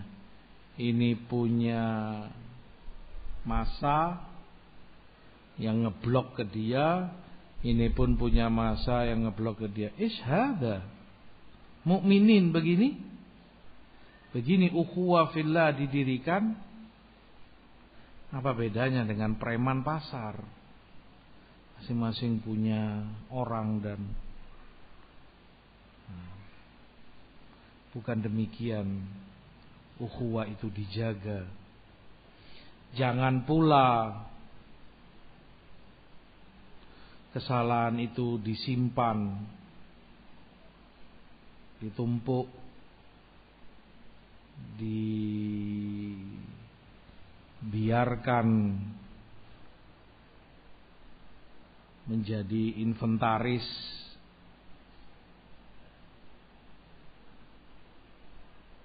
Nanti setelah sekian lama meledak ketika ada sesuatu terjadi file-file lama ini dia buka semua. Nggak ada nasihat selama ini. Fulan, antum tahu, tahun sekian dia berbuat begini. Aku tahu, bulan sekian dia berkata begini. Waktu itu terjadi begini, dia itu begitu. Memang sudah lama aku tahu. Dia begini, sekarang kamu bongkar semuanya. Itu sifat orang fajir. Bukan mukmin. Tidak bernasehat. Dia biarkan menumpuk, menumpuk, menumpuk. Kemudian meledak dan dia sebarkan. Hidupkan. Tanasuh. Jaga Jangan mau mendengar syaitan meretakkan hubungan di antara kalian hanya karena urusan-urusan sepele hanya karena perkara pribadi duniawi terlalu mahal nilai ukhuwah itu hidayah Quran lillati hiya aqwam untuk dirusak hanya karena ketersinggunganmu hanya karena kesalahpahamanmu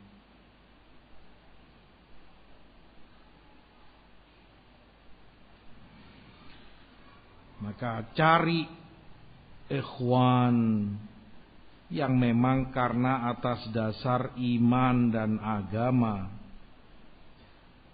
Wal mar'u ala dini khalilih. Seperti yang Rasulullah sabdakan orang itu agamanya tergantung temannya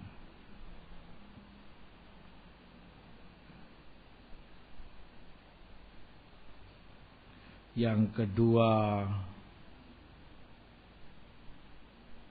hidupkan tasamu saling mudah untuk mentolilir kekurangan dan kesalahan saudaramu. Dan harus demikian. وما زاد الله عبدا بعفو إلا عزا Tidaklah Allah tambah hambanya dengan memaafkan Kecuali kehormatan dan kemuliaan. Ibnu Simak Rahimahullah Ketika terjadi. Manusia mereka kadang ada cekcok ada ini. Dengan temannya. Si teman ini karena jengkel dan sakit hati.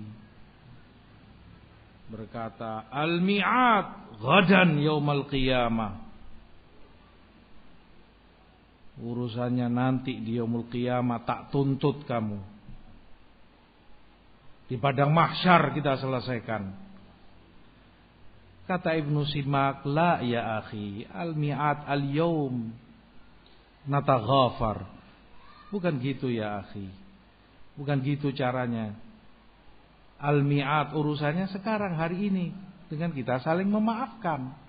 Kenapa harus ditunda nunggu yaumul qiyamah di mahsyar di hadapan Allah taala? Artinya kamu biarkan ini permusuhan kamu jaga, kamu pupuk dan kamu tanam, kamu pelihara ini permusuhan sampai nanti di mahsyar diselesaikan. Bukan itu sifat mukminin. Di sini di dunia kita selesaikan dengan saling memaafkan. Mas, yang lalu kesalahpahaman, ketersinggungan diselesaikan dengan baik. Allah pun menyebutkan sifat orang yang bertakwa wal kadhiminal ghaid wal 'afina 'anil nas wallahu yuhibbul muhsinin mereka itu orang yang menahan emosinya.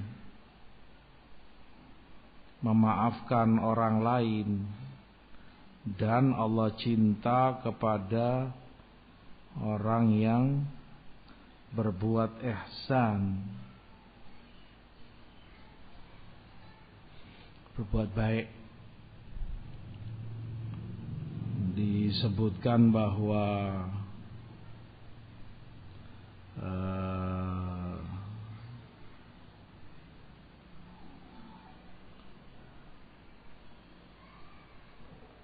Maimun Ibn Mahran rahimahullah imam. Beliau ulama besar kaya dan tokoh tentunya di masyarakatnya suatu saat sedang beliau undang orang-orang besar, pemuka-pemuka masyarakatnya bersama para ulama yang lain. Alhasil sampai waktu makan-makan beliau perintahkan budaknya untuk mengeluarkan makanan. Keluarkan. Dikeluarkan oleh si budak dia bawa satu panci besar marak yang mendidih panas baru turun dari api. Dihidangkan di majelis begini. Saat itu anak Maimun di sebelahnya masih kecil mungkin balita begitu Alhasil tanpa sengaja budak ini kesandung sesuatu sehingga oleng begini walhasil ini tanpa dia sadari kuah di panci ini tumpah tepat mengenai anak Maimun bin Mahran hingga wafat di tempat mati. di depan tamu, orang-orang besar, orang-orang terkemuka, tokoh masyarakat. Bagaimana malunya, bagaimana gaharnya. Kira-kira diapakan ini budak? Maimun hanya menundukkan kepalanya. Anaknya meninggal. Uang tumpah di majelis. Gara-gara budak ini kurang hati-hati. Ini dia nggak sengaja. Kata budaknya, wahai tuanku. Allah berkata, sifat orang yang bertakwa itu wal kadhiminal ghaib. Mereka mampu menahan emosinya. Ghaib itu amarah yang sedang memuncak. Inginnya itu meledak. Orang akan merasa puas, lega kalau sudah terlampiaskan. Entah itu dengan memaki-maki, entah itu dengan memukul, menyakiti. Setelah itu baru dia bisa puas. Itulah gaib. Kejengkelan dan emosi yang memuncak Justru sifat muttaqin kadhimin dia tahan. Menunjukkan berat memang, nggak semudah itu. Dan itulah sifat mereka. Makanya Rasul katakan laisa syadidu bisura'ah. Innama syadid man yamliku nafsahu indal ghadabi. Orang yang kuat itu bukan yang mampu menjatuhkan lawannya dalam gulat. Kalau itu dalam pergulatan, dalam bela diri, gampang jatuhkan lawan. Tetapi hakikat orang yang kuat itu yang mampu menahan emosinya. Saat itu muncak, gaib. Inginnya orang harus dilepas ini ingin meledak. Ya tahan. Maimun berkata, "Qad fa'altu." Aku sudah lakukan. Beliau nggak marah. Ditahan emosinya. Ini budak mungkin kalau bukan Maimun bin Mahran Mungkin sudah ditempeleng, mungkin dibunuh. Di depan tamu, bukan tamu biasa. Lebih dari itu, korbannya anaknya sendiri mati.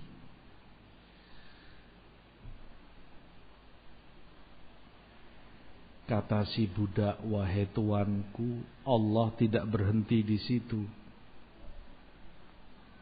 Tapi Allah katakan wal afina anin nas. Mereka memaafkan orang lain yang berbuat jahat, berbuat jelek pada dirinya. Menyakiti dia,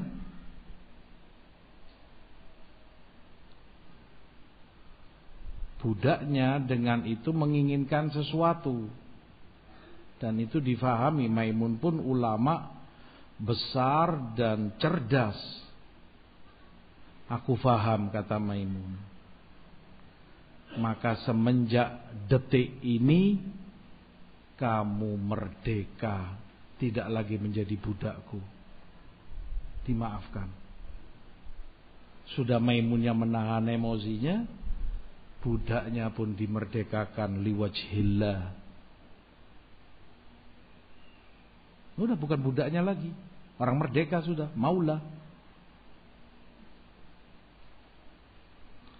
Kata budaknya, wahai tuanku, Allah tidak berhenti di situ. Namun Allah akhiri ayat wallahu yuhibbul muhsinin. Allah cinta kepada orang yang berbuat ihsan. Berbuat baik bahkan kepada orang yang menyakiti dia. Membuat dia ghaib. Membuat dia marah. Membuat dia kesal, jengkel. Justru berbuat ihsan budaknya menginginkan sesuatu dengan itu dan sekali lagi Imam Maimun pun faham maka kata Imam Maimun na'am kamu merdeka dan boleh kamu bawa bersamamu seratus ekor onta ihsan. Kayak dongeng. Namun begitulah mereka aimatus salaf. Yang hanya karena Allah segala sesuatunya.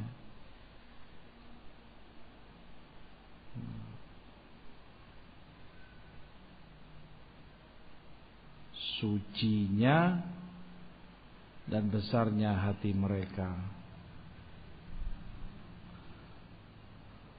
Oleh karena itu, sifat seorang karim kata Hasan Al-Basri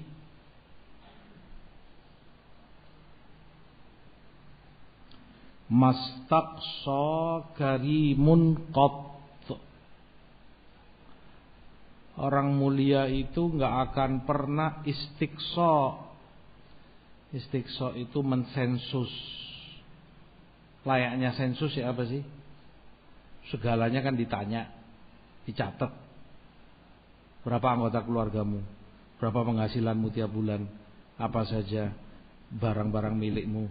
Nilainya berapa? Ininya bagaimana? Itunya bagaimana? Semua namanya sensus dicatat, ditanya semuanya. Orang karim kata Hasan mastakso nggak akan nyensus terhadap saudaranya maksudnya. Lah kamu kemarin berbuat ini. Belum selesai ini kamu nggak cukup berbuat gini padaku. Kamu mengucapkan ini. Nah.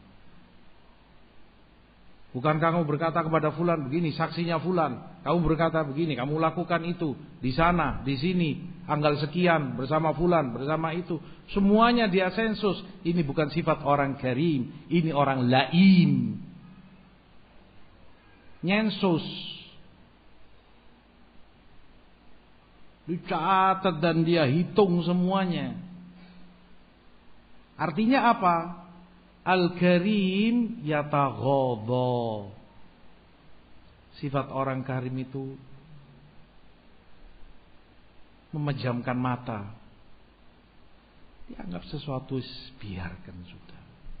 Holy sudah. Sesuatu yang tidak pernah terjadi. Dia anggap sesuatu yang tidak dia hitung. Tidak dia sensus.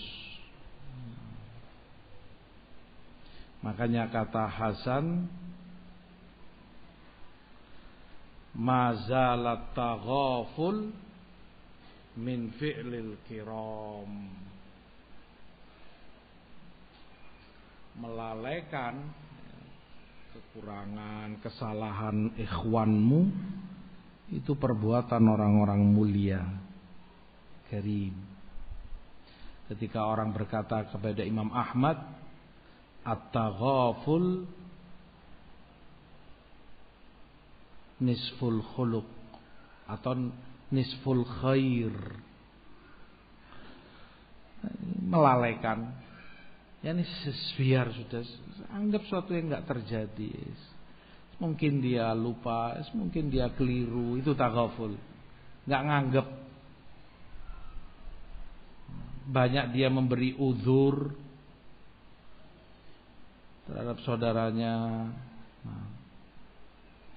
Dia katakan itu setengah dari kebaikan.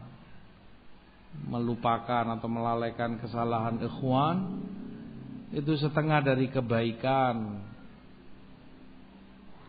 Kata Imam Ahmad, uskut at-taghaful huwal khairu kulluhu. Kamu nggak tahu kata Imam Ahmad. Justru melupakan itu itu kebaikan semuanya. Kamu ingin ngerti kebaikan? Semua arti kebaikan itu terletak pada taghaful, taghawi. Enggak nganggep apa yang sudah terjadi. Dan itu terbukti tercontohkan sendiri oleh Imam Ahmad rahimahullah. Tiga dekade beliau disiksa habis-habisan dicambuk, dicambuk. Sampai disebutkan oleh tukang cambuknya ini cambuk kalau didera kepada 10 orang sudah pada mati masing-masingnya. Sampai disebutkan membusuk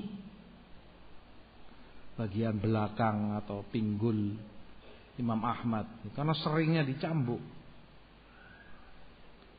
Kalau kita sekali dua kali memar, Nah kalau terus menerus sampai membusuk dan karena sebab itu beliau pula yang membuat Imam Ahmad wafat rahimahullah.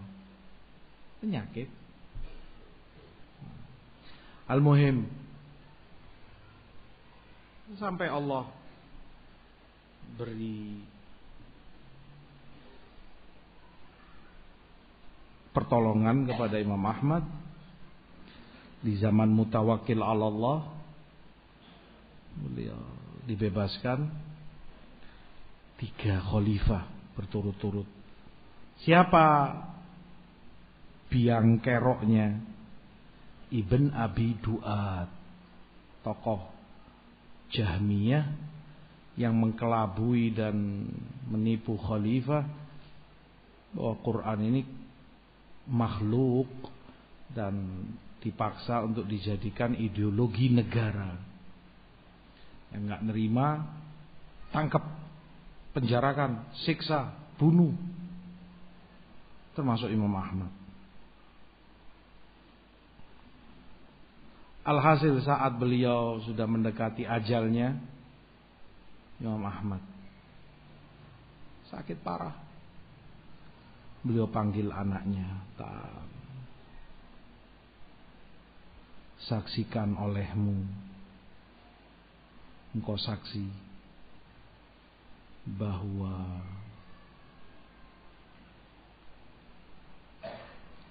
tukang cambuk yang terus menerus mencambuki aku huwa minni fi hil aku halalkan ini nggak akan aku tuntut di umul qiyamah khalas nggak ada apa-apa antara aku dengan dia. Padahal dicambui terus olehnya. Besarnya hati seorang imam. Karena ini orang ma'zur. Ya itu profesi dia. Dia dapat hidup dari situ, Maisha. Mungkin bukan maunya mencambuk, nggak senang dia, tapi kalau nggak dia nggak makan. Digaji untuk itu. Ini situ udurnya. Sehingga Imam Ahmad katakan, aku halalkan. Adapun khalifah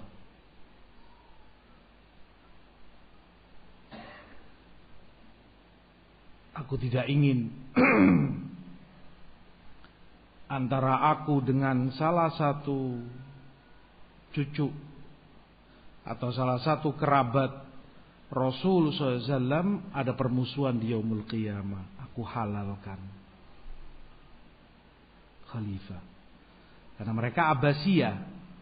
Anak cucu keturunan Abbas bin Abdul Muthalib. Paman Rasulullah SAW. Dan ini anak keturunannya. Maka Imam Ahmad katakan, aku nggak ingin di yaumul qiyamah nanti ada permusuhan, ada masalah antara aku dengan kerabat Rasul SAW. Maka para khalifah tadi, tiga khalifah, Aku maafkan, aku halalkan. Kata Imam Ahmad, kemudian adapun Ibn Abi Duat antara aku dengan dia Allah yaumul qiyamah. Karena dia yang menipu khalifah. Khalifah mungkin layaknya pemimpin, nggak tahu banyak urusan agama, dalil ini. Mereka sibuk dengan negaranya, sibuk dengan kepemimpinannya, nggak tahu banyak urusan akidah ini. Ditipu oleh ulama-ulama jelek ini, seperti Ibn Abi Duat. Dia provokatornya, dia biang keroknya. Biang keladi semua fitnah ini Ibn Abi Duat. Maka kata Imam Ahmad antara aku dengan dia Allah di yaumul qiyamah.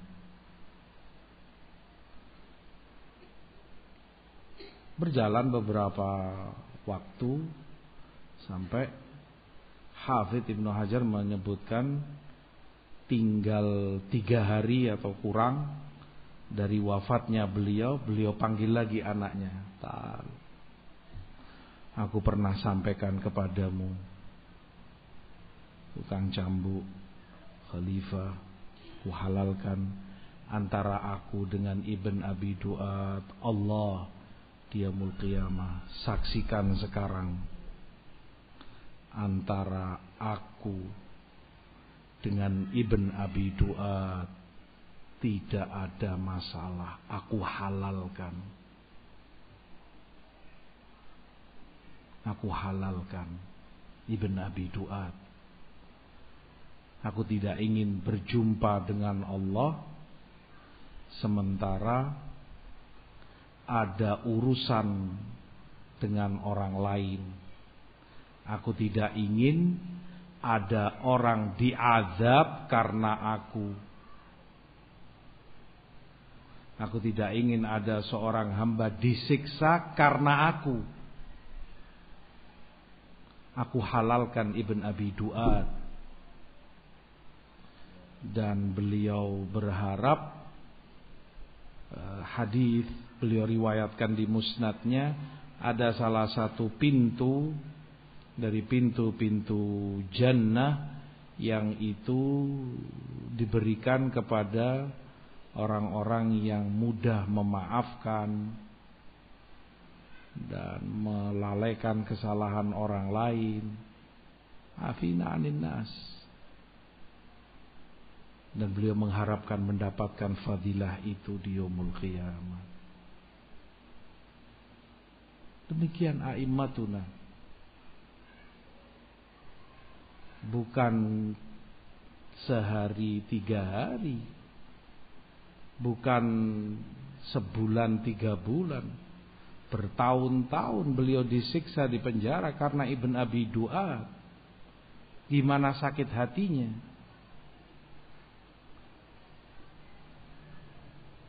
Tapi kebesaran beliau rahmatullahi alaih rahmatan wasi'ah Imam Ahlus Sunnah Ahmad Ibnu Hambal rahimahullahu taala. Ikhwani rahimani wa rahimakumullah. Dengan demikian hidupkan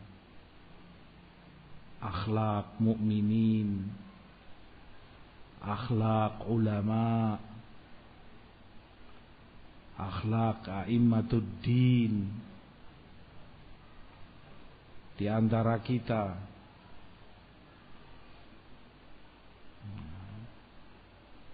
Berusaha untuk meniru mereka. Ada kesungguhan upaya untuk menitih ke sana. Mungkin kita terlalu kecil di hadapan Imam Ahmad. Tetapi upaya dan kesungguhan untuk menitih ke arah sana. Watashabbahu illam takunu mithlahumu inna tashabbuha bil kirami karimu contohlah orang-orang mulia itu. Walaupun kamu nggak sama nggak bisa seperti mereka nggak sampai setingkat itu. Tetapi paling tidaknya berusaha. Usaha kamu meniru mereka itu suatu kehormatan besar suatu kemuliaan.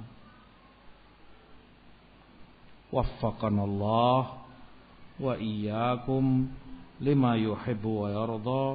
Kurang lebihnya saya mohon maaf wa sallallahu ala nabina Muhammad. Wa akhiru da'wana anil hamdulillahi rabbil alamin